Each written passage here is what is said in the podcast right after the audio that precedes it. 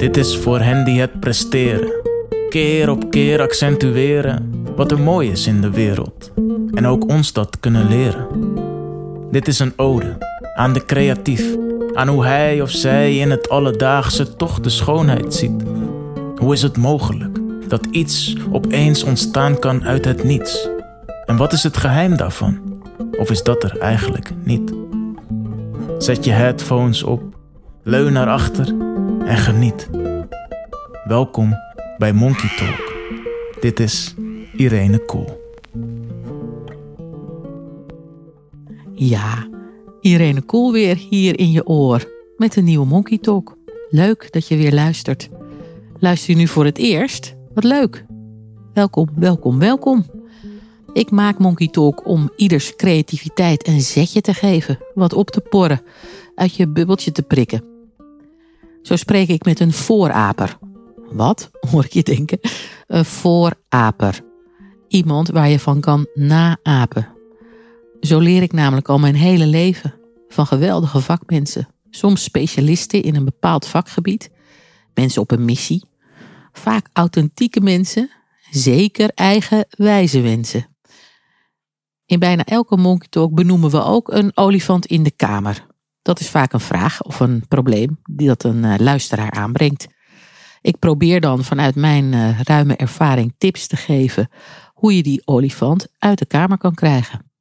Deze keer gaat de olifant uh, naar aanleiding van een gesprek met Herman Wijfels, de vorige Monkey Talk.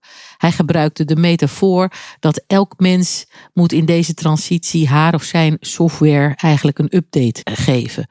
Een herschrijven van je software. Mooie metafoor, maar hoe doe je dat? Daar gaat deze keer de olifant over. Die rubriek komt dus na de vooraper. Alle reden om te blijven luisteren. Ben je na deze Monkey Talk nou enthousiast? Dan hoop ik dat je een vlammende recensie schrijft in je podcast app. En ben je nieuwsgierig geworden? Dan hoop ik dat je doorluistert. Want er zijn er nog een aantal die je kan luisteren. En dat je het dan fijn doorkwekt naar je omgeving. Je kan trouwens ook op dat knopje volgen drukken hè, in je podcast app. Dan krijg je automatisch de nieuwe aflevering. Best handig. Of neem een petje af. Reuze aardig van je. Kijk maar even in de show notes hoe dat kan. Die 44 afleveringen chockvol inspiratie en dikke tips. Nou, dat is toch wel wat waard. En als je een petje afneemt, val je af en toe met je neusje in de boter. Zoals op maandag, einde middag, 12 december. Dan gaan we online iets leuks doen voor de petjes van Monkey Talk. Heb je een Monkey Talk petje? Hou dan even de mail in de gaten. Ben je in staat om je eigen aannames uit te dagen? Soms kan een radicaal andere kijk nieuwe mogelijkheden en inzichten bieden. Kun je wel bijvoorbeeld altijd vertrouwen op data? Waarom betalen we mensen per uur? Heeft de klant altijd gelijk? Is input gelijk aan output? Al onze sociaal-economische systemen zijn gebaseerd op aannames. Dr. Karim Benemar is filosoof en gespecialiseerd in transformerend denken. Hij geeft wereldwijd lezingen en workshops aan bedrijven en organisaties. Hij heeft filosofie gestudeerd in Engeland, Amerika en Japan, gedoseerd aan de Universiteit van Kobe en was lector aan de Hogeschool van Amsterdam. Hij is auteur van diverse boeken, Overvloed, Reflectietools, Reframing, The Art of Thinking Differently en ook Denken over geld en waarde. Karim en ik zijn allebei verbonden aan Lecture. Prachtig bedrijf. Zij cureren, produceren en faciliteren mooie, bijzondere live online inspiratiesessies van maximaal een uur voor allerlei bedrijven. Super handig als je je medewerkers gewoon één keer per maand een flinke shot, je mag het ook één keer per week doen trouwens, een flinke shot inspiratie wil geven. Kan je ook nog gewoon onder je eigen vlag doen zeg maar de Zoo Academy zou dat bij mij zijn. Dat is dus heel slim ingekocht. En tegenwoordig moet je er natuurlijk van alles aan doen om je medewerkers geïnspireerd, opgeleid te houden. Dikke tip. Ik mag bij Lecture als expert nu zo'n vier jaar de lecture verzorgen over creativiteit. De. Ik zeg mag, want ik moest echt auditeren. Dus ze leggen de lat behoorlijk hoog, krijgen feedback en je moet echt, uh, echt aan de bak. Dat vond ik ook alweer heel erg leuk. Lecture is gelukkig fan van Monkey Talk en zodoende belden ze mij of ik niet uh, wat voorapers van hen wilde spreken. Nou, dat is natuurlijk geweldig, want ze hebben een geweldige stal vol met slimme, inspirerende, eigenwijze mensen. Eerder hoorde je ook al Michael Kwakkelstein bevlogen praten over Leonardo da Vinci. Geweldig was dat. Dus dank aan Lecture dat uh, we zo kunnen samenwerken met elkaar. Je vindt informatie over Lecture in de show notes. Echt uh, een aanrader. En als je het nou over herkaderen hebt, zo'n lecture trekt je altijd uit je kader. Dus dat is super gezond voor uh, je geest. In deze Monkey Talk demonstreert Karim hoe zijn filosofische geest werkt. Ik hoop dat je dat wat ervaart en ook ervaart wat herkaderen betekent, hoe dat werkt. Als het goed is, voel je af en toe wat weerstand. Weet, dat is een goed teken, want dan weet je dat je kader kraakt.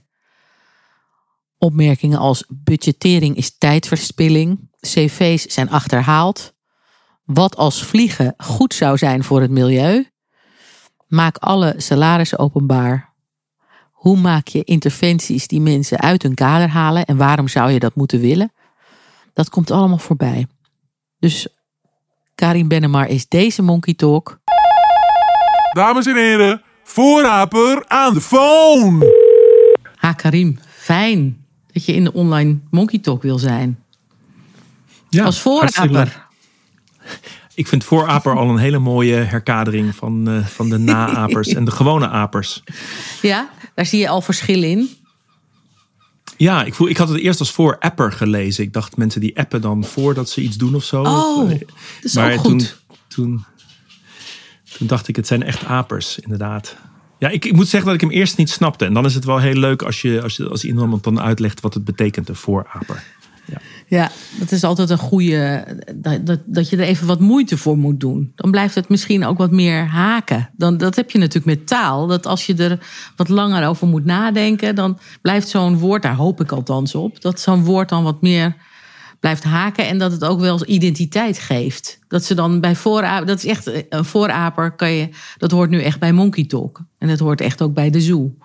Dus dat, uh... Ja, absoluut. Je hebt een helemaal een, een metafoor van, uh, van apen en zoos en monkey talks. En, ja. en waar, waar, waar is die uh, fascinatie, waar komt die vandaan? Nou, omdat ik, ik ben gefascineerd door de natuur als grote inspirator van innovatie. Uh, vind ik dat, ja, kan ik daar erg van genieten. En daar haal ik mijn inspiratie uit vandaan. En de zoo ook, omdat dat, wij zijn echt een groep van allemaal paradijsvogels. Van allemaal verschillende type mensen bij elkaar. Nou, die zet je in een dierentuin. Je hebt geen mus in een, in een hokje zitten in een dierentuin. Dus dat zijn toch altijd speciale creaturen die in, die in zo'n hokje mogen zitten.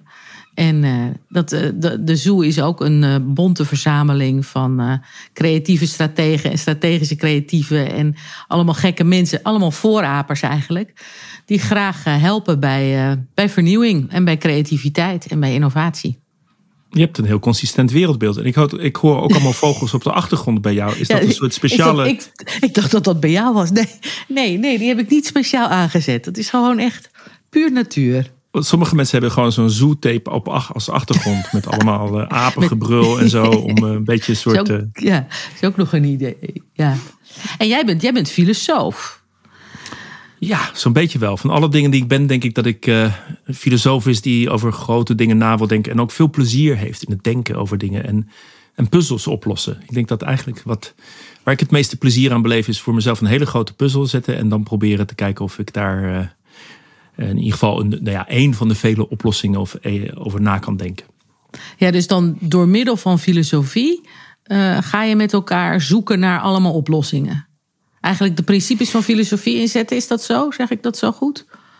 Ja, filosofie is, is een manier. Hè? Filosofie is een manier om de wereld te begrijpen via concepten. Dus via woorden, maar ook woorden die, die vooral meestal iets heel abstracts betekenen. Hè? Dus nou ja, inflatie is een concept, weet je, of uh, een geldsysteem, of, of klimaatproblematiek, of gelijkwaardigheid of zo. Hè. Je, je kunt de wereld natuurlijk op een heel praktische, doorleefde manier ervaren, directe ervaring. En hoe abstracter het wordt, in bepaalde opzichten hoe filosofischer het wordt.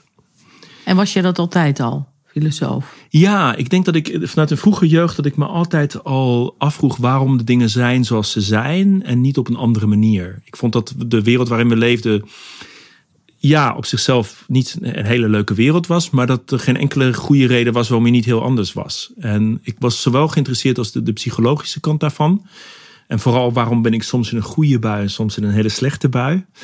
En ik probeerde daar allerlei. Ik was helemaal experimentjes bezig in mijn jonge tienerjaren. Als ik nou dit doe, als ik dan dit drink of dat eet of dan opsta, dan voel ik me goed. En daar viel niet zo'n pijl op te trekken. Dus aan de ene kant wou ik snappen hoe mijn leefwereld in elkaar zat en ook hoe de grotere wereld in elkaar zat.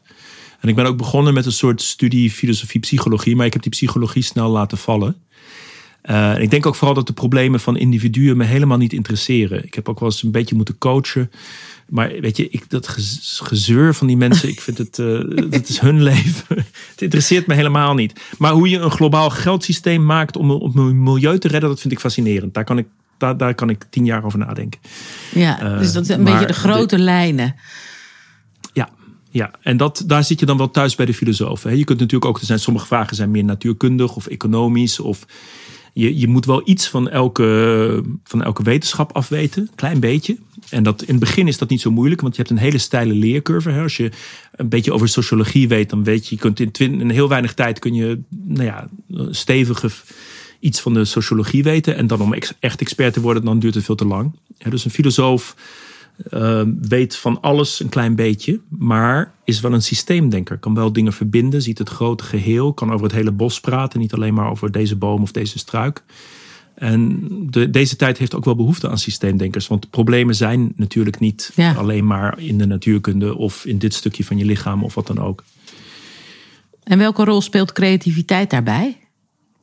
Ja, dat is een, een mooie vraag. Ik denk dat, dat ik daar een beetje per ongeluk op gekomen ben. Dus ik heb 25 jaar geleden was ik bezig met een grote vraag. Uh, aan de ene kant de milieuproblematiek en uh, de globale armoede.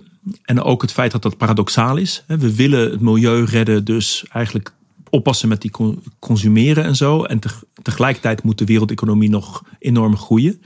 En dat lijkt, er eh, lijkt geen oplossing te zijn. Dus je moet een oplossing vinden die beide benadrukt. En toen dacht ik, je moet herkaderen. We kijken met de verkeerde blik. Het is niet wat we zien in de wereld, maar de manier waarop we naar de wereld kijken klopt niet. En het was ook een hele persoonlijke ervaring. Want ik, ik begon te schrijven over het milieu. En toen dacht ik, nou ja, alles raakt op en er is te weinig. En we moeten vooral minderen. En daar heb ik een heel een paar artikelen over geschreven, zo halverwege jaren negentig.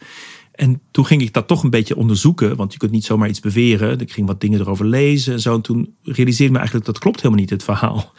ik, ik, ik praat een heleboel mensen na, maar als je een beetje doordenkt, is de natuur helemaal overvloedig.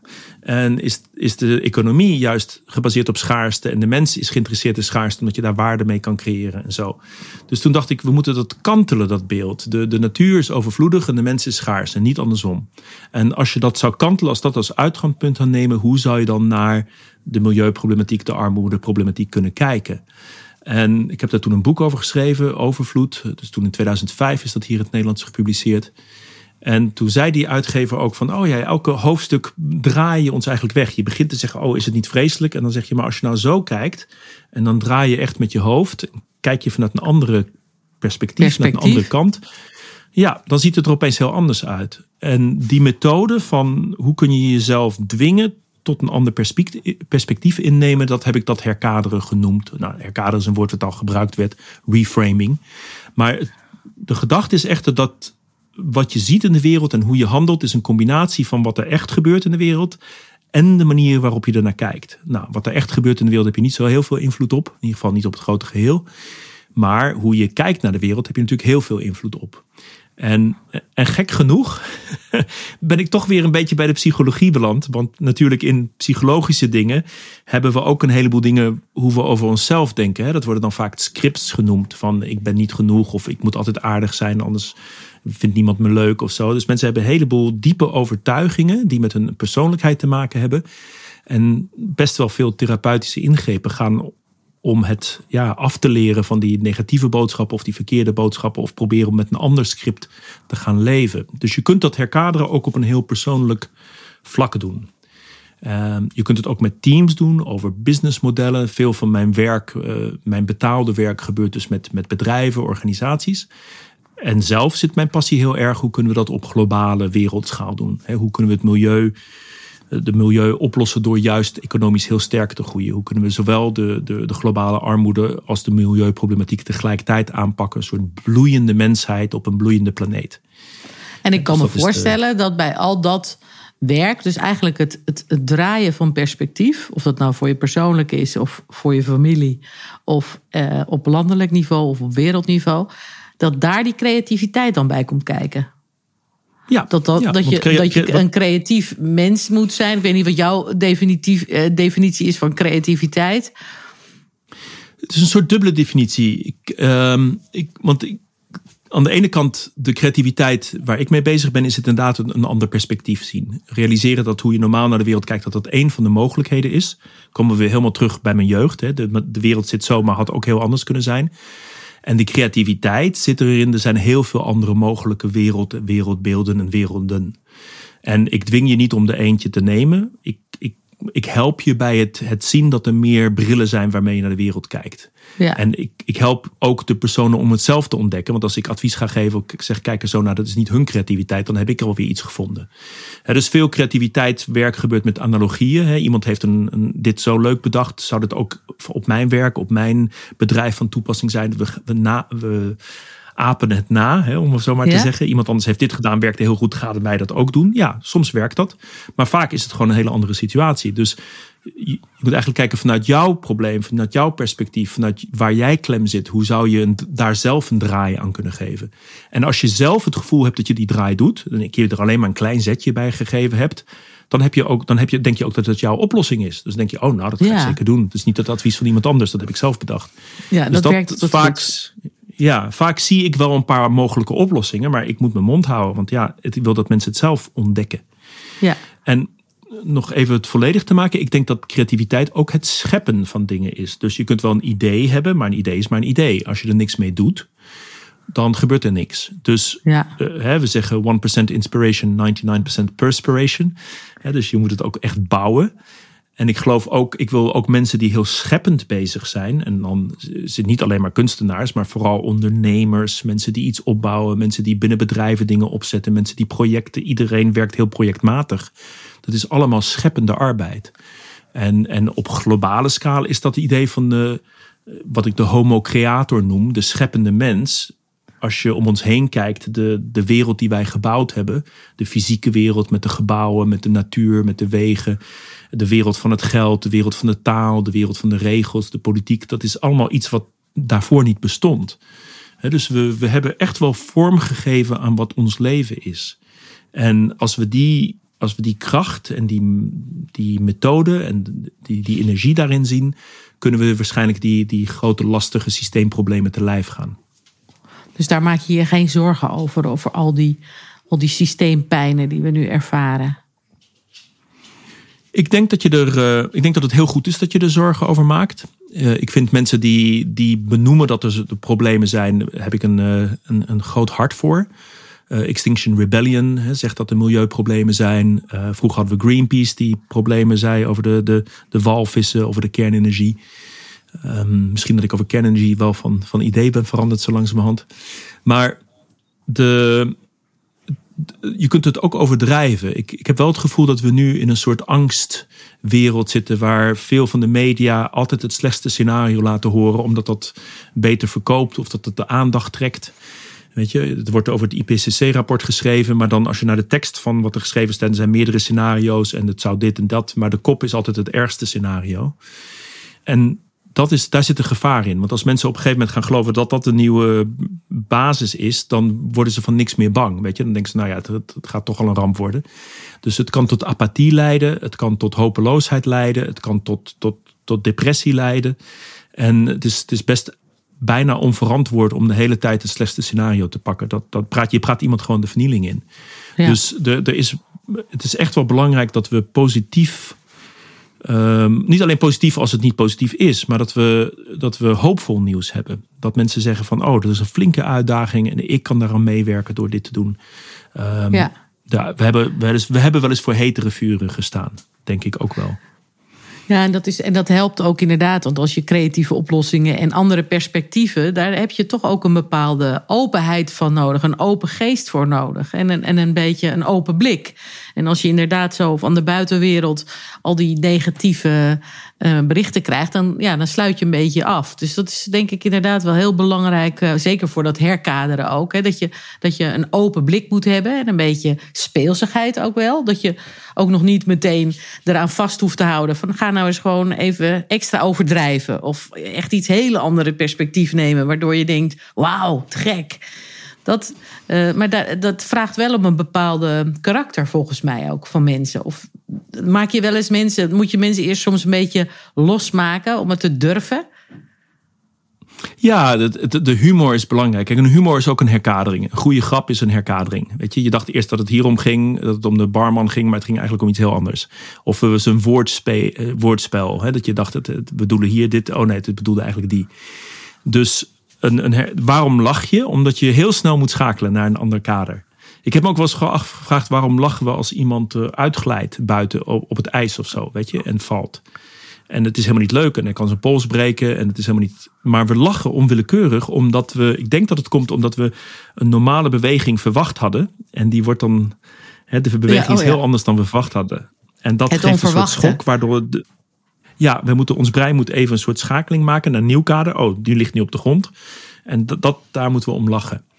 Ehm, dus ik, ja, kijk, een, hoopvol iets, dan, dan, dan wil je eraan meewerken. Dan heb je die energie om dat te doen. En om los te komen van je kaders is, is humor om belachelijke dingen te bedenken, werkt heel goed. Want de, de voorkeuren die we hebben, we hebben een soort mentale comfortzone van dit vinden we normaal dus dit, dit klopt, dit is, dit is geëikt, hier hoeven het verder niet over te hebben. Iedereen weet dit. Uh, er zit vaak ook een emotionele band mee. we zijn comfortabel met deze werkelijkheid. En als je dan gaat zeggen het tegenovergestelde, dan, ja, dan krijg je eerst een enorme weerstand. dus, eh, dus het voorbeeld wat ik vaak gebruik in mijn, in mijn lezingen is: uh, vliegen is slecht voor het milieu. Nou, dat weet iedereen. dus iedereen gaat nadenken: hoe kunnen we, hoe kunnen we minder vliegen? Of, de, al die oplossingen zitten daarin. Nou, dan vraag ik mensen het zich voor het extreme tegenovergestelde voor te stellen. En dat is niet, die vliegen is goed voor het milieu, vinden ze al moeilijk om te zeggen. Maar dan moeten ze gaan zeggen dat vliegen geweldig voor het milieu is. En vliegen is het beste wat er ooit voor het milieu bedacht is. En de enige manier dat we het milieu gaan redden is om zoveel mogelijk te vliegen. Als je nu niet in het vliegtuig zit, dan ben je het milieu aan het verpesten. Nou, dan wordt er gelachen, want ja, dit is zo absurd, zo stom. Waarom zeggen we dit überhaupt? En dan liggen daar een heleboel kansen, want niemand, iedereen vindt het zo belachelijk dat niemand eraan denkt. En dan heb je het natuurlijk niet in één keer waargemaakt. Vliegen is nog steeds slecht voor het milieu. Maar je kunt je afvragen, hoe zouden wij vliegen het beste voor het milieu kunnen maken? Hoe zouden wij vliegen in kunnen zetten voor die specifieke milieuproblemen waarmee wij te kampen hebben? Ehm, en dat gebeurt bij een heleboel dingen. Weet je, dit, dit, is, de, dit is de ergste ramp die we hebben. Dit, hoe, hoe zorg je niet zozeer dat dit het voordeel is? Het is niet alleen maar positief denken. Het is vooral wat zien we nog niet. Ja. Uh, en alles wat we niet zien, vinden we in eerste instantie belachelijk. Ja, en dan, en dan is het eigenlijk niet alleen een lezing, maar dan ook een soort workshop. Want dan kan je meteen op die vraag die jij nu net hebt gesteld: van hoe maak je het heel goed voor het milieu, daar kan, dan krijg je meteen een soort idee-generatie, kan ik me zo voorstellen. Dan krijg je meteen allerlei ideeën van die je op kan schrijven en met elkaar kan delen. Ja, en mensen herkennen dat. Dan gebruik je die analogieën wel een beetje. Mensen gebruiken dan een ander soort vakgebied waarin dat wel gebeurt. Dus hoe belachelijk je idee ook is, er is vast een bedrijf of een organisatie die het gewoon doet en het heel normaal vindt. Dat krijg je heel vaak. Dus mensen zeggen we moeten iedereen hetzelfde betalen, want, want heel veel bedrijven is het heel onduidelijk wie wat verdient dus we gaan nu iedereen hetzelfde betalen. Oh nee, dat kan niet. Dat, uh, of iedereen moet dezelfde auto van de zaak rijden. Dat is was voorgekomen. Nou, dan moest iedereen hartelijk lachen. Want ja, wat heel belangrijk in die sector is dat je net een iets betere auto van de zaak hebt. Of een veel betere auto van de zaak. Of dichter bij de ingang mag parkeren of zo. En dan zeggen ze ja, maar dat kan nooit. Geen enkel bedrijf heeft alleen maar één auto van de zaak. En dan zeg je, nou ja, hè, er is, uh, misschien moeten we de naam niet noemen op een podcast, maar een grote meubelfabrikant uit het noorden, bij wijze van spreken. Hè, die hebben gewoon maar één klein autootje. Daar moet iedereen gewoon maar in rijden. Want hè, we zijn zuinig en, uh, enzovoort. Dus, en het is een heel succesvol bedrijf. Dus het, het, het, het, het eerst buiten je kaders komen en dat die, die weerstand is of kwaadheid of onbegrip of niet verder willen denken of emotie of huilen. Hè, want je moet iets bedenken wat, wat zo erg is, daar wil je gewoon niet aan. Of lachen.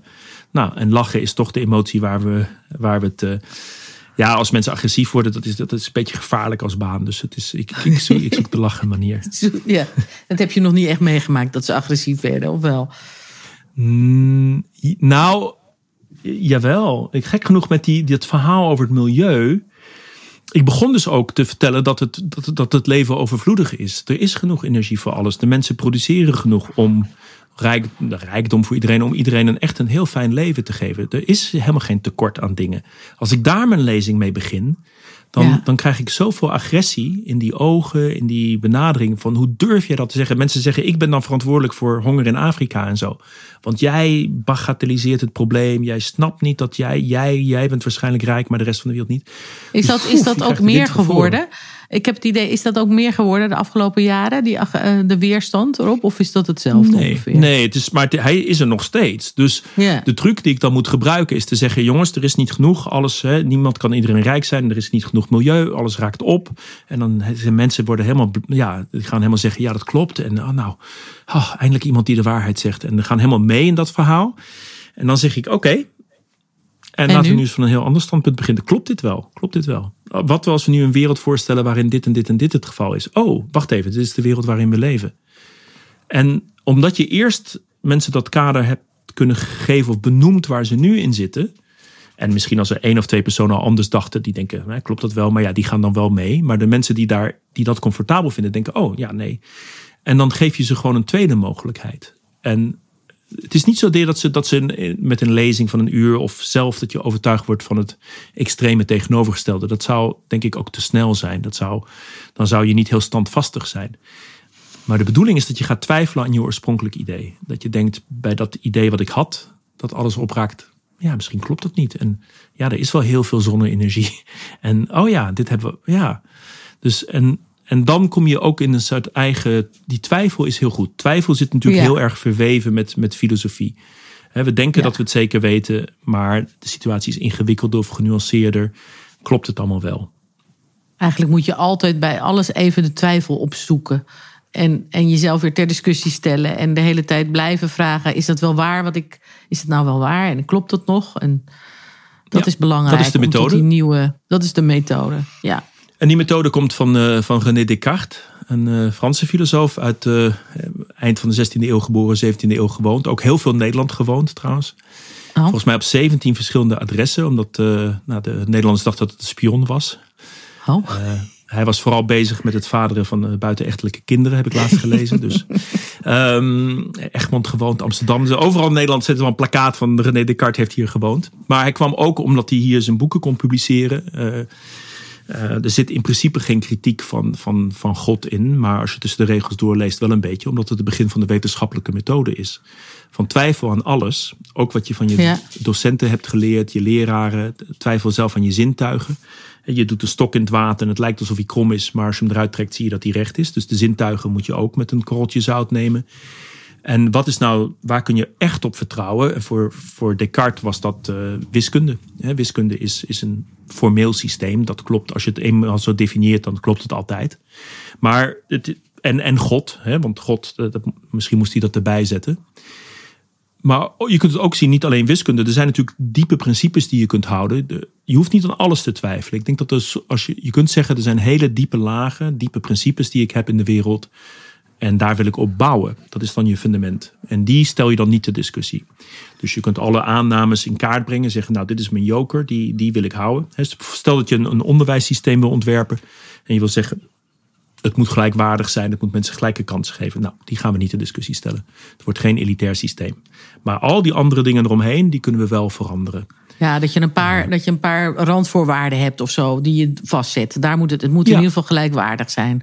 Ja. Ja, het zijn misschien niet eens ja, randvoorwaarden. Het zal als randvoorwaarden werken, maar het zijn juist kerndingen waar je op bouwt. Het zijn een fundament waarvan je uit denkt. Ja, dat is de wat ingewikkeldere versie van, van de creativiteit. Waar je, waar je echt een specifieke probleem waar je zelf mee zit of op, op probeert een nieuw, een nieuw beeld of een nieuw frame of een nieuw scenario of een nieuw paradigma voor je eigen situatie, voor je eigen doelgroep, voor je eigen werkgroep te ontwikkelen. En, en kijk, we zijn het andere woord wat ik vaak gebruik is crisis. Een crisis is een, is een snijpunt tussen twee kaders, tussen twee werelden. We hebben net de coronacrisis gehad, we hebben de milieucrisis, de klimaatcrisis. En het is helemaal niet zo'n gekke plek, want het is een plek waar heel veel verandert. Een crisis is juist de plek waar het oude niet helemaal goed meer werkt en het nieuwe nog niet zo goed werkt. En het is een hele, ja, je moet wel tegen de verandering kunnen, maar het is wel een, een, een hele bewegelijke, creatieve, energieke plek. Dus als je, het, als je het kan hebben om heel vaak in crisis te zijn, is dat een hele mooie plek om te zijn. Eh, je moet alleen wat dingen, wat standvastigheid loslaten. Ja, en het weten te verduren. En ook inderdaad die hoop houden dat je weet dat het goed, uh, dat het mooier gaat worden. Daar moet je een soort van vertrouwen. Of mooier of beter of anders. Ja, ik denk dat anders niet zozeer slecht hoeft te zijn. Nee, ik denk dat je, dat je kunt gaan genieten van verandering. Dat probeer ik mensen mee te geven. Kijk, als je iets wil veranderen, vooral een organisatie die al een tijd staat, dan is er een enorme weerstand. En die weerstand komt omdat je gewend bent aan dit, zo ben je opgegroeid. Eh, als je wat ouder wordt, wordt het vaak ook moeilijker om te veranderen, omdat je al langer op dezelfde manier iets gedaan hebt. En nou ja, in je eigen leven dwingt je lichaam, hè, midlife crisis, je lichaam wordt ouder. Op een gegeven moment lukken dingen niet zo makkelijk meer en andere dingen lukken wel beter, maar hè, je moet ook dingen laten gaan. Dus in je eigen leven moet je ook herkaderen. In organisaties, als dat van bovenop komt, we gaan nu dit doen, is dat soms heel lastig. Het is leuk om van onderop te kijken en dat je zelf vaker af te vragen, wat werkt nou wel? En het is goed om ook afscheid te nemen van dingen. Uh, iemand zei, een aantal mensen hebben met creativiteit gezegd. Ik zag laatst ook dat het John, John Maynard Keynes was. De econoom die een soort quote had van het, het, het moeilijke, het creatieve is niet met nieuwe ideeën te komen. Het is, het is afscheid te kunnen nemen van je oude ideeën. Ja, dat is heel erg waar. Ja. En dat je die los kan laten. En afscheid kan en uit kan zwaaien. Uit kan zwaaien en bedankt. Je hebt me heel, weet je, ik heb er heel van je gehad. 10, 20 jaar lang zijn we geweldig geweest. En, en nu heb je, je mag met pensioen, je hebt het verdiend, je, bent, hè, je hebt je functie gedaan. Want nu is er een nieuwe technologie, nieuwe aanpak, nieuw dit. En nu, ga, nu stap ik over. Ja. Dus soms zeg ik bij bedrijf, heb ik wel eens gehoord, eh, of het woord gehoord, de Chief Destruction Officer. Ja. Dat is iemand die de. Die... Heel belangrijk. Het is heel vaak zo, als wij beginnen met innovatietrajecten, dan is mijn eerste vraag vaak: waar gaan we mee stoppen? Want ik moet eerst ruimte hebben om nieuwe. Om, om, ik moet eerst even ruimte in de tuin maken voordat ik nieuwe dingen kan laten groeien. Dus waar gaan we mee stoppen? Waar gaan we afscheid van nemen? Ja. dus dat is heel. Dat innovatie gaat ook heel vaak over goed kunnen stoppen. Ja. ja. En, en in het begin is het afscheid nemen niet zo moeilijk, want er zijn een heleboel dingen waar je een bloedhekel aan hebt. Nou, ja. ik zou zeggen, stop daar als eerste mee. Met dingen die irritant, pijnlijk en vervelend zijn. Hup, maak een lijstje, huppakee. Um, ja. Eh, maar die andere dingen, ja, Daarna wordt het misschien wat moeilijker. De, de dingen die je aan gewend bent, die, die, die, die, waarvan het doen wel leuk voelt. Weet je, dat het zijn activiteiten die lijken alsof ze een doel hebben. Het invullen van dit of het roosteren van dat of het. Uh, ja, of dat het inderdaad dingen zijn waardoor je je tijd stiekem kan verlummelen of zo. Zodat je niet uh, hoeft. Zodat je niet de verantwoordelijkheid hoeft te pakken of zo. Of, zodat je niet jezelf. Weet je, dat je jezelf even een schop onder de kont geeft. Van dat je het moet doen, dat je dat nieuwe gaat doen. Dan heb je. Ja, het is in feite. Hoe zeg je dat nou? Een beetje lummeltijd, zodat je niet hoeft. Een beetje. Het is een beetje. Uh, als je, diep in, als je diep in je eigen hartje kijkt, dat je denkt: ja, ik zit eigenlijk. Eigenlijk wil ik niet aan de start verschijnen. Eigenlijk wil, ik, wil ik niet de, de, de, de, even de, dat nieuwe ingaan. Omdat, je, omdat dat weer energie vraagt. Of het vraagt uh, ja, ook wel falen. Dat je misschien niet goed kan. Of nou ja, al die, al die, al die toch weer die psychologische menselijke dingen. Ja, en een prachtig voorbeeld zijn budgetten. Hè? Mensen maken, een heleboel, alle bedrijven maken budgetten. En eh, vaak tot in de treuren toe. En, uh, meestal zijn budgetten compleet onnodig. Want ze worden toch nooit gehaald. Niemand houdt zich daaraan. De meeste bedrijven. En ook dus dan zijn, ja, dan zijn het gewoon een soort documenten die, ja, een soort fantasiedocument. Hè? Dan kun je dus heel lang daarmee bezig zijn en alle cijfertjes kloppen, maar het, het gaat, die cijfertjes worden toch nog nooit de waarheid. Dus wat je zegt, je krijgt een heleboel voldoening omdat je het budget afmaakt en alle cijfers ziet en klopt, komt mooi op nul uit of wat dan ook. Maar het is een fantasiedocument. Dus heb je echt iets gedaan voor de organisatie het bedrijf en voor de. de nee, maar het lijkt erop. En, en, en je hebt geen risico gelopen, want je weet hoe je dat moet doen. Um, En in het geval dat de budgetten wel uitkomen, is het misschien nog erger. Want dan betekent het dat, dat het bedrijf op andere manieren zijn geld in had moeten zetten. Maar dat iedereen strak de regels van dat fantasiedocument gevolgd heeft. En gezegd, ja, er is geen budget hiervoor. En daar moeten we veel meer geld aan uitgeven. Dus koop maar iets wat we niet nodig hebben. Dus het is het, ik snap dat je iets van een businessplan hebt. Ik snap dat je de uitgaven, de inkomsten, dat je een soort dashboard nodig hebt van wat je doet. Um, en dat kan, dat kan in, heel vaak nu in real time met apps en dashboards. Dat snap ik heel goed. Maar het feit dat je dan een budget en een, en een budgetbesprekingen en, en vergaderingen en een document, wat zodra het geschreven alweer al out of date is. En wat dus, als je terugwerkt, de budgetten van een paar jaar geleden leest, nooit in de buurt is gekomen van wat het werkelijk is geworden. Ja, dat is gewoon een soort. Uh, ja, ijverig zijn. Ja, het is een soort ijverigheid. Om, om, om een soort gevoel te hebben dat je lekker bezig bent. Ja, en, en de meeste bedrijven en organisaties zijn zo uh, efficiënt in die zin of verdienen zoveel geld dat ze zich kunnen permitteren om al dat soort ja, vrij onzinnige activiteiten ook erbij te doen. Je hebt een hele departement dat dat doet. Je hebt het met HR ben je veel bezig. Want nou ja, daar ligt het misschien wat anders. Maar we, weten, we weten, mensen in HR weten dat, dat interviews niet zo niet zo goed, niet zoveel vertellen. Een interview vertelt je gewoon of iemand een goed interview kan doen. Maar tenzij de baan van die persoon is dat hij interviews gaat afnemen in zijn leven, is het niet zo'n goede voorspeller voor de werkelijke functie die die persoon gaat hebben. En hetzelfde geldt voor het CV. Het CV is een soort verhaal, wat heb ik in het verleden gedaan?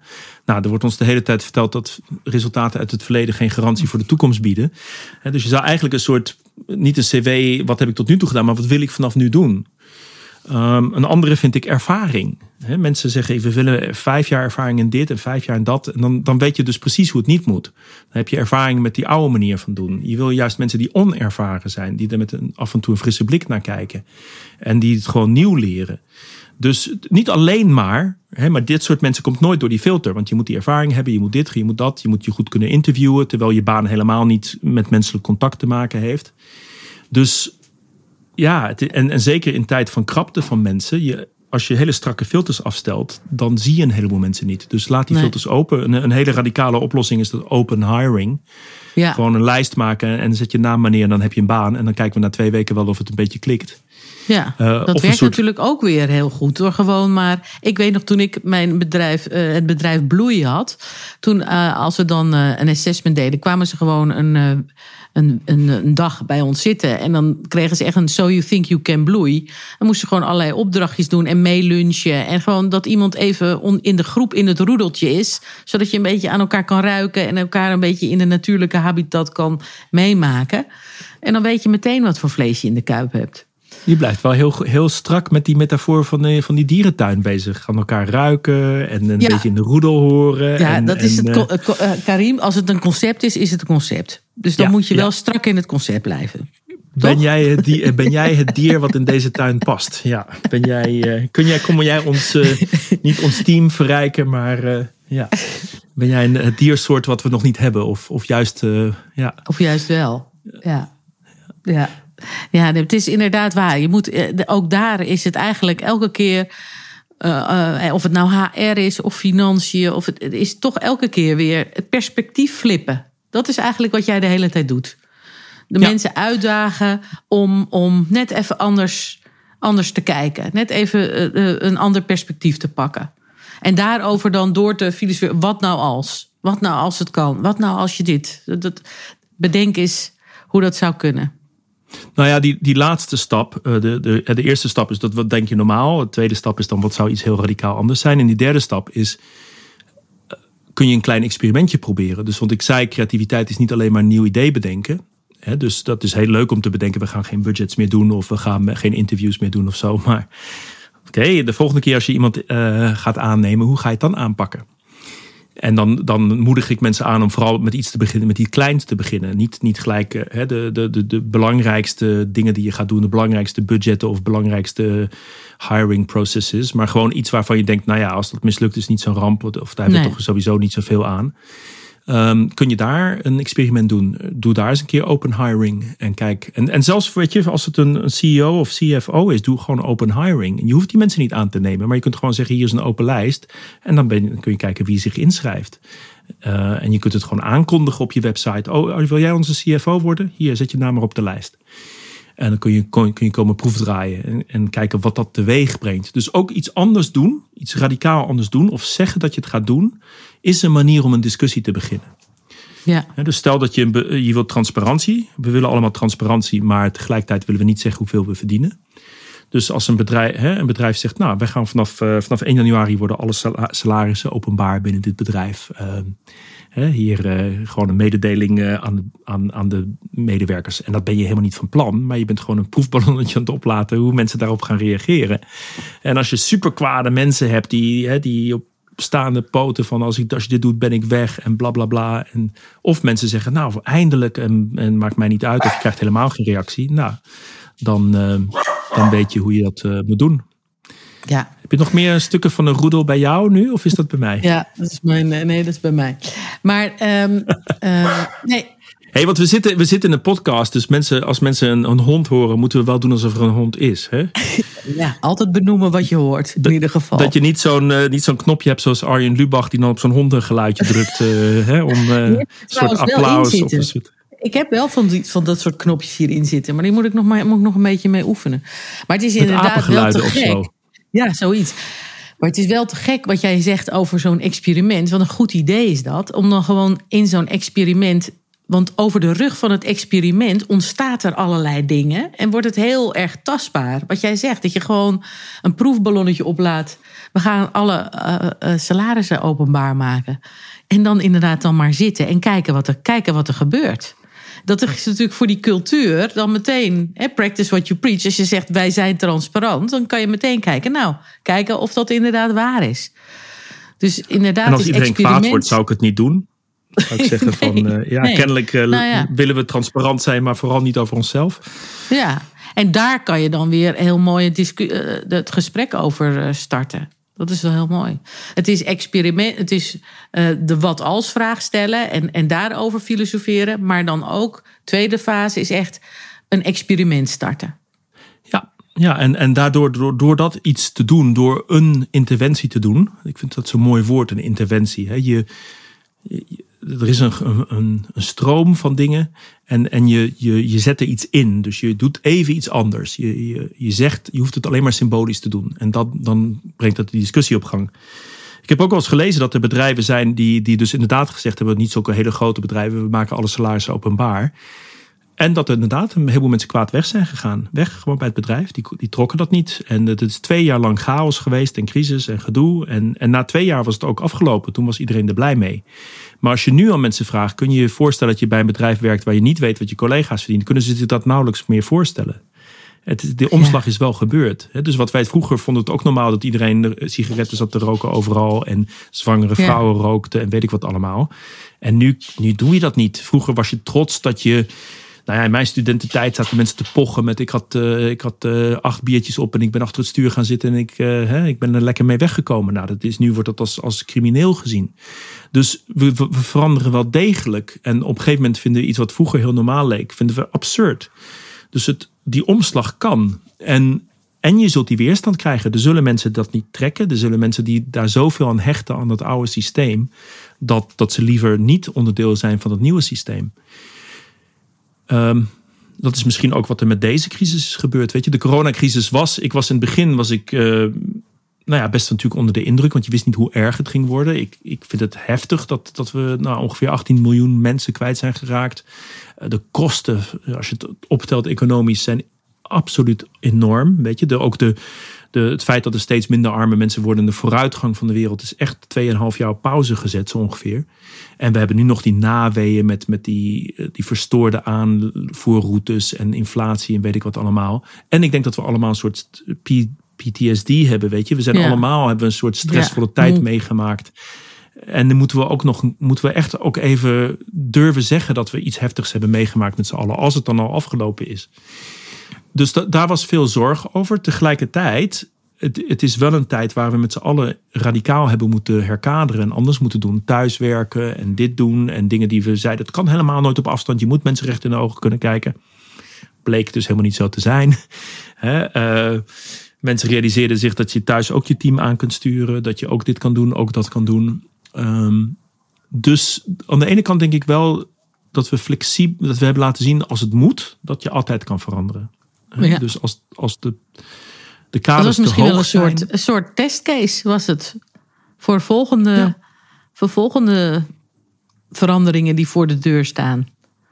Ja, nou ja, dat wordt vaak gezegd. Hè. Dat het volgende globale probleem is de, is de klimaatproblematiek. Eh, die is eh, bij sommige berekeningen ongeveer tien keer zo duur als de coronapandemie. Als je, als je alles weer uit de lucht zou willen halen. Is een van die gekke berekeningen die ik dan eh, van de zomer heb eh, proberen te maken. Hoe groot is het probleem eigenlijk? Dus ik denk dat het kan. We hebben laten zien dat het in het klein kan. En eh, we gaan dan hopelijk geen 18 miljoen doden hebben daarover. Maar we- we- het heeft een heleboel andere dingen veranderd. We kunnen nu in een jaar een vaccin eh, ontwikkelen. En waar we vroeger Ja. tien jaar over deden. Hè, omdat het allemaal achter elkaar moest. En iemand zei, ja, nu kost het zoveel geld. Laten we alles tegelijkertijd doen. Dus die, die, dat gebruik van die mRNA-vaccins voor kanker. Voor, waar ze oorspronkelijk voor bedoeld waren. Voor allerlei andere ziektes. eh, Lyme-vaccin enzovoort. De ziekte van Lyme. Dat komt nu ook allemaal een stroomversnelling. En en we hebben toch geleerd, als je in crisis is, dan kun je beslissingen sneller nemen. En dan gaat er wel eens fout hoor. Er is, er is geld uitgegeven aan dingen die we later niet nodig bleken te hebben. Mensen hebben Dat slechte heb beslissingen altijd. genomen. Soms doe je dingen die ja, overdreven bleken. Hè. Die kun je ook nooit testen, want het is niet fout gegaan omdat je hele strakke maatregelen genomen hebt. Maar ja, je kunt nooit bewijzen dat, dat eh, wat er anders was gebeurd. Dus ik, ja, misschien dat we ook terugkijken. Heel veel crisissen ben je niet blij mee. Als het een huwelijkscrisis is, of een werkcrisis, of een gezondheidscrisis. Dan denk je van, ik had het liever niet mee willen maken. Dan heb je volkomen gelijk. Ik had ook veel liever geen coronapandemie willen hebben. Maar als dat gewoon de wereld is, dan kun je daarna zeggen: Ik heb er dit van geleerd. Ik ben, hierdoor ben ik anders in het leven gaan staan. Ik, ik ben nu krachtiger en ik heb meer eh, ja, veerkrachtiger voor de volgende. En, en hopelijk dat je ook dingen aanpakt. Hè? Want toch de truc bij het herkaderen, waarom zou je zo'n lezing volgen of iets doen, is omdat je wacht niet tot het heel pijnlijk wordt. Voordat je crisis krijgt, voordat het uit elkaar spat, voordat je bedrijf niet meer haalbaar is. Ga dan zeggen hoe kunnen we een radicale verandering maken. Weet je, het, het, het, zodra het irriteert of dat je gevoel hebt het klopt niet, ga dan al aan de slag. Wacht niet tot die kiespijn zo erg is dat er, dat er niks meer aan gedaan kan worden. Want dan, dan zul je zeker veranderen. En met een, dat is natuurlijk ook met het milieu. Hè. De, uiteindelijk zullen we het altijd wel overleven, hoe hoog het water ook staat. Alleen het wordt steeds duurder, die oplossing. Dus als je, dus hoe, eerder je er wat aan doet, hoe, het, is al een stuk duurder dan als we 30 jaar geleden waren begonnen. Maar het, ja, het wordt eigenlijk steeds duurder. Wanneer ga je dan in beweging komen? En misschien kunnen we mensen aanmoedigen. En dat is dan misschien wel het handige van die slechte nieuws. Van het gaat echt heel pijnlijk worden straks. Dus laten we er nu iets aan gaan doen. Ja, en daar kan je die methodiek heel goed voor gebruiken. Als je de, de ontwikkeling wil prikkelen en je strategie, eigenlijk je strategievorming wil prikkelen. Dan, uh, dan, en dan, uh, ik zal wel eventjes bij de show notes zetten dat er is ook iets online kun je vinden van jou, hè, waar je dat doet. Waar je dat nog wat beter uitlegt of meer uitlegt. Of daar waar ook oefeningen bij staan, geloof ik. Ja, ik ben altijd heel erg geweest van, weet je, de, de, de methode heb ik ook een beetje samengeraapt van wat andere mensen gedaan hebben. Het is niet mijn gepatenteerde methode, weet je. De, en ik vind het belangrijk dat, dat iedereen er toegang tot heeft. Dus wel met Engels, want dat is wat, wat makkelijker voor de, voor de rest van de wereld. Uh, je moet je wel inloggen bij dat bedrijf, maar het is allemaal gratis. En uh, het, is, uh, het is leuk als mensen ermee aan de gang gaan. Soms krijg ik e-mailtjes van mensen die ermee aan de slag zijn gegaan en die iets opgelost hebben voor zichzelf. Leuk. In een privéleven of voor een bedrijf. Uh, en, weet je, en de methode zelf is heel makkelijk. Hè? Waarom? Bijna alles wat we doen, doen we voor redenen niet heel, niet heel goed kloppen. Hè? Dus die, die vraag van Descartes van twijfel. Klopt dit wel wat ik denk? Klopt dit wel wat ik doe? Waarom doe ik dat budget eigenlijk? Waarom interview ik iemand op deze manier? De voorbeelden die we gebruikt hebben. Waarom werken 9 tot 5 of wat dan ook? Wat zou een hele andere manier zijn? En daar zijn wat, wat, wat trucjes voor om je een beetje te, de kant op te sturen die je niet wil. Hè? Dat is vooral. Ja. Uh, eigenzinnig ja, dat is belangrijk. Je moet, je moet, er moet weerstand komen. Je moet het belachelijk vinden. Je moet denken van, nou, dat is bizar. Als je iets echt belachelijks gevonden hebt, dan is het ook leuk met elkaar te doen. Want je kunt elkaar aansporen om belachelijke dingen te denken. Uh, en dan, dat, dat laatste is natuurlijk de kern. Ga het dan ook uitproberen. Durf dan ook. En dat, dat krijg je een beetje buikpijn. Een beetje het gevoel van, oei, als ik dit ga doen, dan ja. En, neem die stap. En uh, omdat het een klein experiment is, weinig risico. Ja, als die stap fout gaat, kun je altijd zeggen: Oh, sorry, vergeten de bijlagen te sturen. Of nee, we gaan de CFO op deze manier aannemen. Dat was, uh, hè, maar als je op de lijst staat. Dat is een geintje. Je doet het rondom 1 april, dan kan je er ook nog altijd uh, zeggen dat het een 1 nou ja, april grap is. We konden de coronapandemie geweldig gebruiken als excuus. Hè? Want voor alles wat anders moest, konden we zeggen: Ja, normaal zouden we dit doen, maar dat kan niet. Dus vanwege ja. corona moet je nu, kun je nu gewoon online dit tekenen. Vanwege corona kunnen we het gewoon dit doen. Hè? Dus uh, zolang corona nog was, konden we het als excuus gebruiken om, om een heleboel nieuwe dingen te proberen. En nu, als, als er ook geen corona is, wat voor excuus uh, kun je dan bedenken? Weet je? Ja. Voor, soms vind ik een tijdelijke oplossing vind ik ook leuk. Zeg je, we gaan het alleen maar tijdelijk doen. En, en je weet dat tijdelijk heel lang kan duren. Hè, dus, Ja. eh, Nee, dat, dat zijn allemaal hele goede dikke tips in ieder geval. Dankjewel Karim.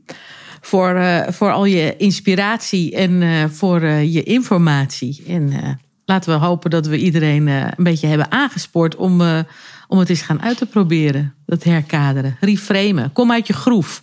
Dat is het ook eigenlijk, hè? Kom uit je groef. Absoluut. Heel belangrijk. Irene. Zeker in deze tijd. wat, voor, wat voor dier zou je mij, eh, wat voor, nu je met mij gepraat hebt, wat voor dier denk je dat ik ben voor in, in die dierentuin van je? Wat voor soort? Oh. Nou ja, ik heb, al, ik heb altijd van die tweekoppelige dieren. Zo'n olibrie. Dat is een olifant en een kolibrie. Dus dat zijn twee gecombineerde dieren. Dus, eh, nou ook ja, een je beetje groot en klein of zo. Ja, en maar ook wel natuurlijk een. Nou, zoals de. eh, Ik heb een luil. Dat is een leeuw en een uil. Dat ben je wel een Ja. beetje. Want een uil is iemand die 360 graden kan kijken. Die kan echt zo, weet je, helemaal zijn hoofdje helemaal. En het is wijsheid. Dat vind ik toch. Ik vind met filosofie krijg ik toch wel een beetje zo'n wijsheidsgevoel eroverheen. En ik denk dat je ook wel een leeuw als in daadkracht en krachtig. Is dat niet wat? Ja. Zou jij een luil Nee, ik willen vind het zijn? hartstikke mooi. Ik, ik best, wel, best wel een luil willen zijn. Ik moet nog wel even zorgen dat ik het goed uitspreek en alle letters in dat woord goed gebruik.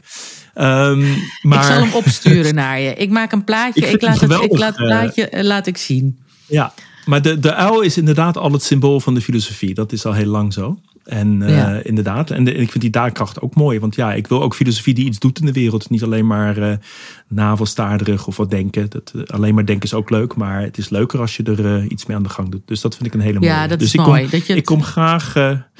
Graag een luil zijn in de. graag bij de open hiring van de dierentuin als luil. mij daar gaan, ik weet niet, vleien, neerleggen, wat dan ook. Heel nou, goed. dankjewel voor het gesprek, Irene. Dat was heel leuk. Dankjewel. Hoi hoi. Tot ziens. Dag. Nou, dag, voorraper aan de phone.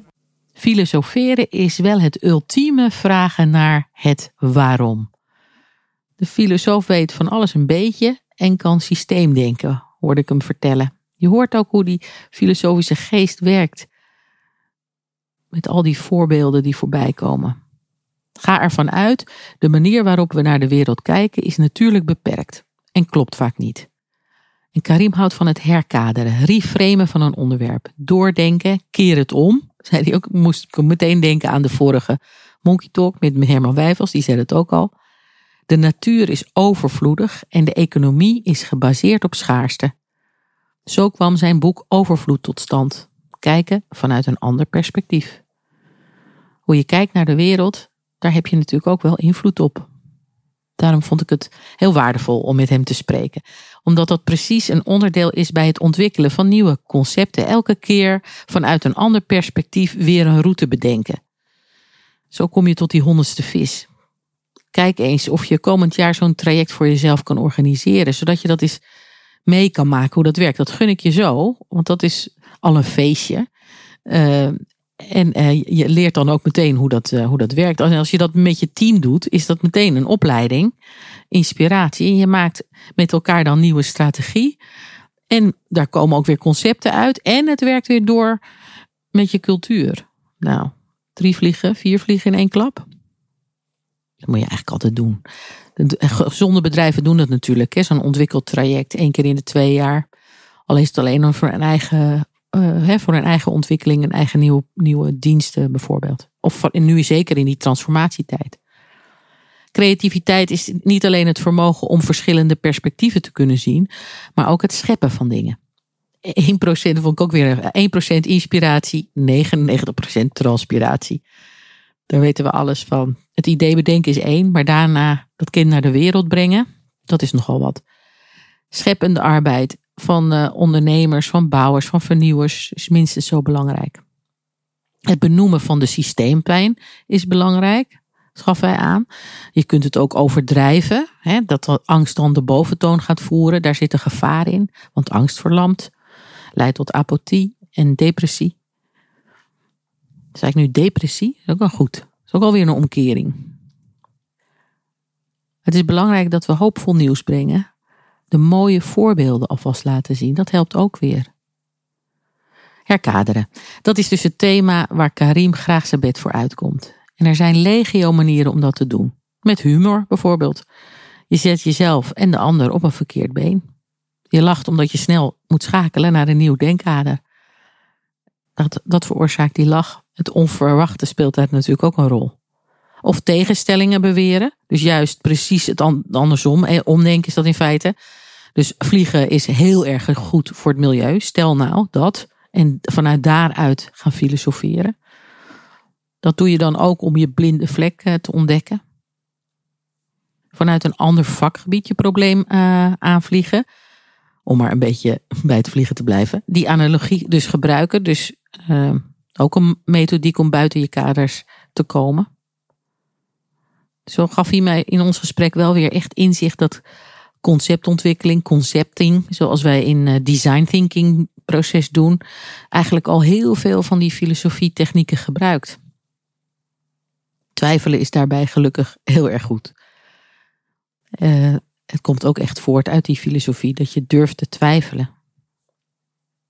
Je hebt wel een basisrandvoorwaarde, een kernwaarde die je niet ter discussie, dat is gewoon een given. En een fundament.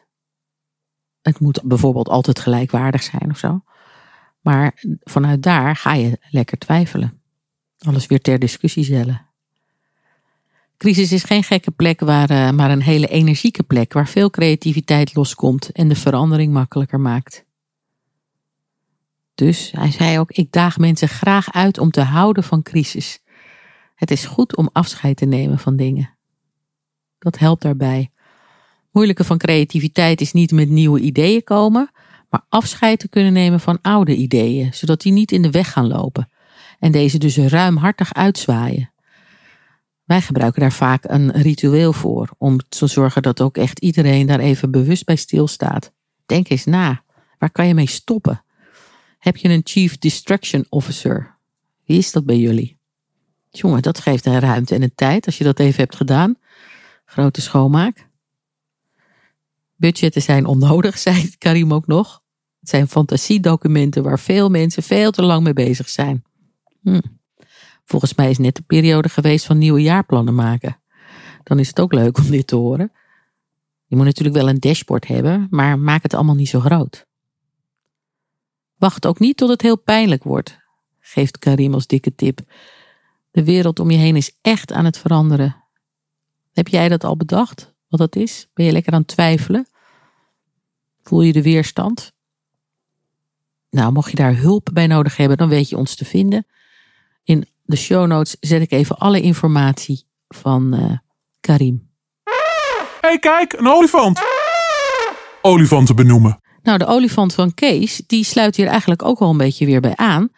Hij uh, reageerde naar aanleiding van uh, de vorige Monkey Talk met Herman Wijfels. Die het erover had dat elke leider, elke manager, elk mens eigenlijk in deze tijd haar of zijn software moet updaten, herschrijven, zei hij. om in die nieuwe transitie, die nieuwe wereld mee te kunnen gaan. Ik begrijp de metafoor, zei Kees. Maar vraag me wel af, hoe dan? Ik heb er natuurlijk wel wat gedachten bij, maar kun je daar misschien nog wat concreter worden? Nou, Kees, nog een paar dikke tips erbij dan. Um, het verhaal van Karim uh, heeft ook al volgens mij weer veel gebracht. Maar het begint bij dit. Een eitje, als een eitje van buitenaf wordt gebroken, is het dood. En als een eitje van binnenuit wordt gebroken, begint het leven. Dus wij kunnen jou allemaal dikke tips geven, maar het begint bij jou van binnenuit. Uh, dus het heel bewust aanpakken en het echt beslissen dat je dit wil. Dat je dat pad opgaat. En dat je zegt, oké, komend jaar ga ik dat doen. Misschien is dat wel leuk voor het nieuwe jaar. Dat je dit als uh, start neemt. Maak er dus bewust tijd voor vrij. En dan ook met regelmaat. Dus het is nooit elke, elke dag even een, een, een 20 minuten. Maar ook elke week dan misschien iets langer. Uh, dat je een ritme hebt. Want het, dan, anders zakt het weg. Selecteer anders een klein groepje mensen in je vriendenkring of op je werk, waarvan je denkt, die willen dat ook wel. En spreek daar zeg één keer in de maand een dagdeel af om te spiegelen, om te delen. Een soort intervisie, zeg maar. Want uh, dan, dan doe je het ook een beetje met elkaar. Kan je voorbeelden geven, ervaringen delen. Want gedrag veranderen, dat, dat is gewoon natuurlijk woest ingewikkeld. Dus pak dat een beetje professioneel aan. Je kan het ook nog laten begeleiden hè, door een leiderschapscoach. Als je dat wil oppakken, kan je me altijd mailen. Hè, eh, als ik iets kan betekenen, Kees. Design thinking proces eigenlijk op jezelf toelaten. Dus in feite ben jij dan het onderwerp. Of dan bijvoorbeeld als je het met een team doet. Dus dat je echt eerst een blok pakt van uh, ontdekken en begrijpen. Dat je eerst even weet waar gaat het eigenlijk over. Wat is dan die transitie? Wat is dan die nieuwe wereld? Wat vind ik daarvan? Hoe verhoud ik mij daartoe? Dus begrijpen, erin duiken. Lekker uh, datadump. Uh, daarna kiezen en verhaallijnen eruit en, en er een mening over hebben. Daar naartoe groeien, ontwikkelen, prototypen, testen. Nou ja, al die stappen van design thinking bijna doorlopen. Want je bent jezelf opnieuw aan het uitvinden. Het is heel leuk trouwens om te doen, uh, sowieso. Nou, herkaderen in feite bij alles dan ook. Dat is het verhaal van Karim. Ja, voor die nieuwe wereld te duiden. Als je zegt dat heb ik nog niet helemaal in het snotje wat, wat we daar nou mee bedoelen. Daar is genoeg over. tegenlichtbenchje in plaats van iets anders op Netflix. Maar, en dan juist ook als het helemaal niet over jouw branche gaat. Want dan, dat, even goed weten wie de voorlopers zijn. Juist die crossovers geven heel veel inspiratie. Door naar andere branches te kijken en dan de vertaling te maken.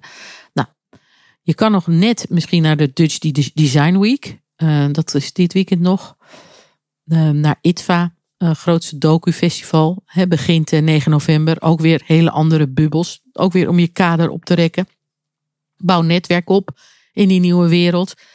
Kijk even wie de voorlopers zijn. Haak daarbij aan. Kan in je eigen branche zijn. Maar ook nog even verder kijken dan je neusje lang is. Scroll nog eens even langs wat Monkey Talks. Want daar zitten allemaal voorlopers bij. Want voorapers zijn natuurlijk ook voorlopers. Berlijn Twaalfhoven bijvoorbeeld. Die heeft de Turnclub uh, opgezet. Hang out with weird people. Dus uit je, uit je kader stappen. Herkader jezelf, Kees. Hang out with weird people. Nou, volgens mij, Kees, genoeg. Je kan aan de gang. Nu, niet meer zeggen dat, ja, ik weet niet precies hoe. Het moet van binnen uitkomen, hè. Dus uh, je moet het willen. Breek je je eitje van binnen uit. En vooral ook plezier hebben erbij. Dat helpt. Zie het als een soort leuk schoolreisje.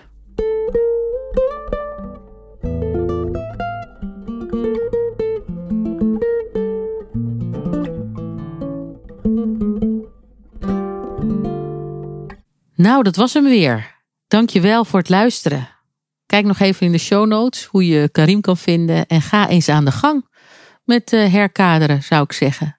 Maak reclame voor Monkey Talk, daar doe je mij weer plezier mee. En petjes, hou de mail in de gaten, want er komt iets leuks aan voor de mensen die een petje af hebben genomen voor Monkey Talk. Dank, dank, dank, dank. Nou, huiswerk, wat is het? Nou, me dunkt, daar, eh, je eigen software herschrijven. Hoe ga je dat doen? Een mooi project, zo voor de winter. Even checken trouwens bij vooraper Jaap Voigt. Aflevering Monkey Talk 31. Leven met de seizoenen. Wat zou jij schrijven? Ik pak even het boek erbij. Het is de wintertijd.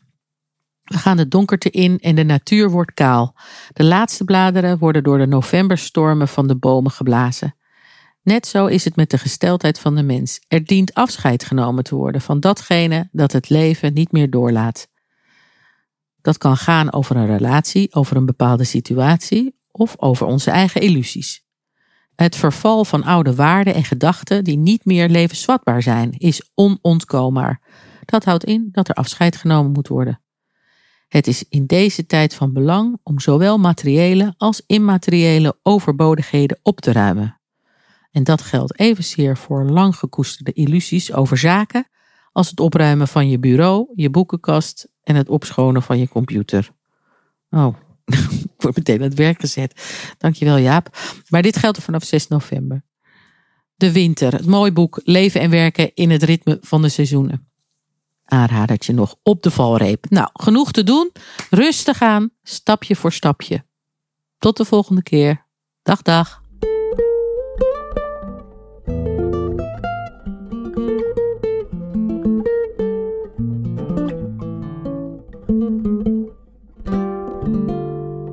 En? Opgeladen? Uitgedaagd? Ondersteboven voorgeaapt? Zorg maar goed voor je creativiteit. De wereld heeft je nodig. Dus hup, aan de gang en verras. Wees origineel waar het juist niet kan. Maak verschil. En heb vooral plezier en dan, dan zien we je de volgende keer graag weer hier. Bij Monkey Talk, het creatief oplaadstation van de zoo.